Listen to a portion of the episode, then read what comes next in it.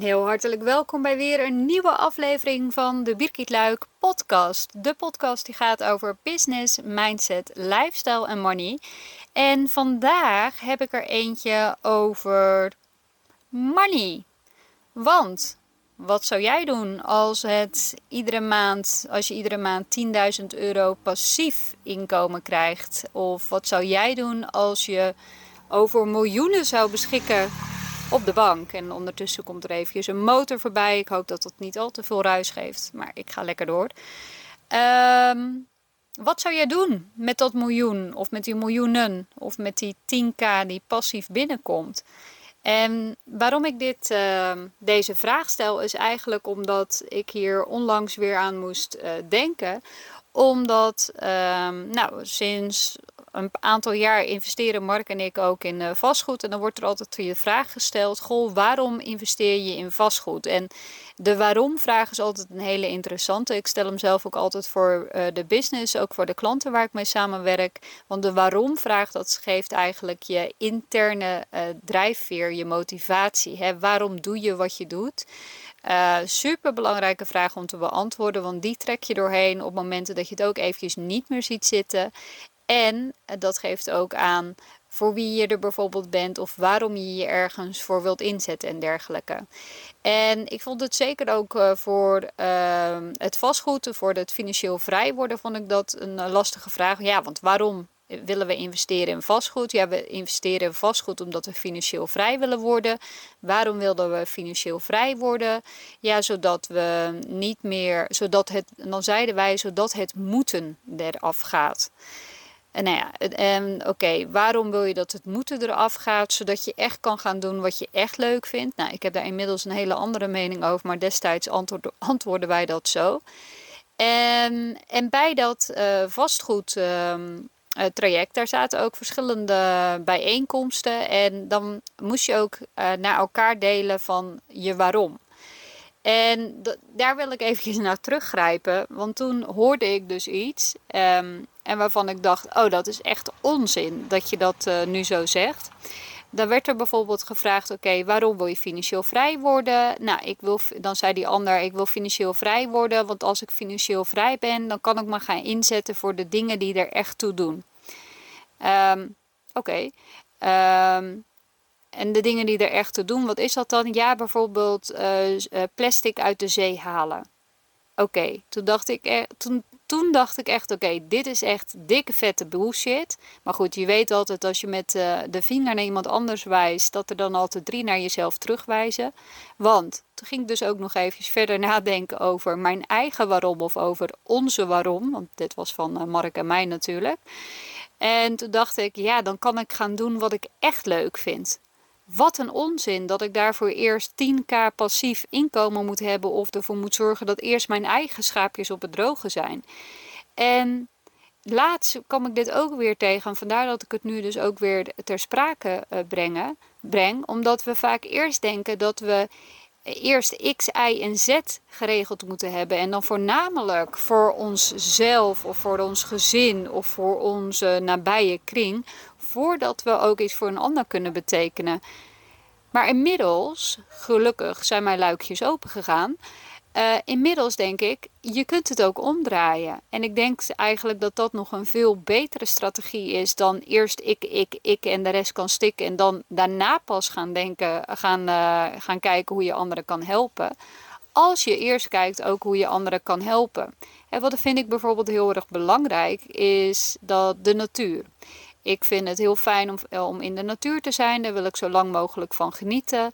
Dus ja, ik ben me meer bewust van, um, um, van hoe we met de natuur omgaan. Uh, en ja, tuurlijk uh, wil ik ook geld geven aan mensen die um, plastic uit de zee halen, et cetera. En bijdragen aan goede doelen.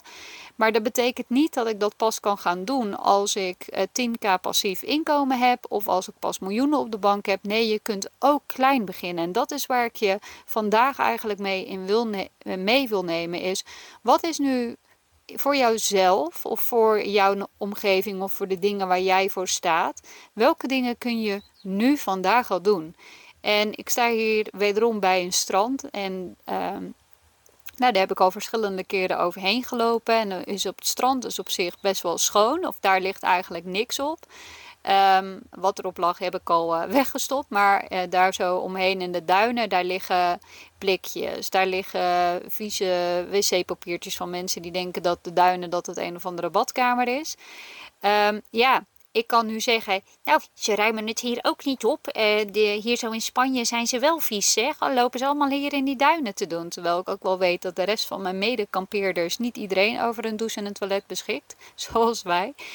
Nou zou ik daar kunnen gaan wijzen en me af kunnen vragen wie dat dan moet opruimen. Maar ja, dan denk ik ook, ik kan dit zelf ook. Ik kan zelf ook op deze manier iets bijdragen aan de wereld. Daarvoor hoef ik dus eerst niet die 10k te hebben. Want ik heb gewoon zo'n stok gekocht bij de Gamma. Die heb ik in Nederland nog gekocht.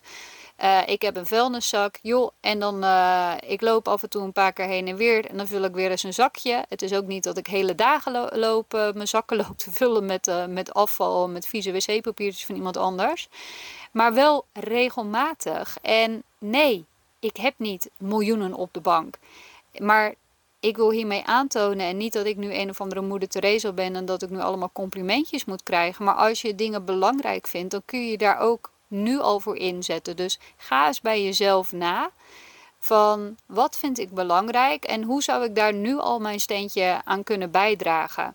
En het is onzin om te denken dat je alleen maar van impact kan maken als je uh, miljoenen hebt. Uh, want je kunt nu ook al impact maken, impact maken. En ik vond het zo leuk van de zomer ook dat ik toen een, uh, een story kreeg waar ik in uh, getagd was van iemand anders die zei: Goh, uh, goh, uh, Birgit uh, is ook regelmatig aan het opruimen. Want ze heeft als, ik zeg vaak, dat ik iedere plek waar we komen, dat ik die mooier wil achterlaten dan dat we die gevonden hebben. Nou, diegene had Henriette, superleuk. Henriette had dat ook gedaan. En bij haar in de, in de straat had ze het zwerfafval um, um, uit de berm uh, geraapt.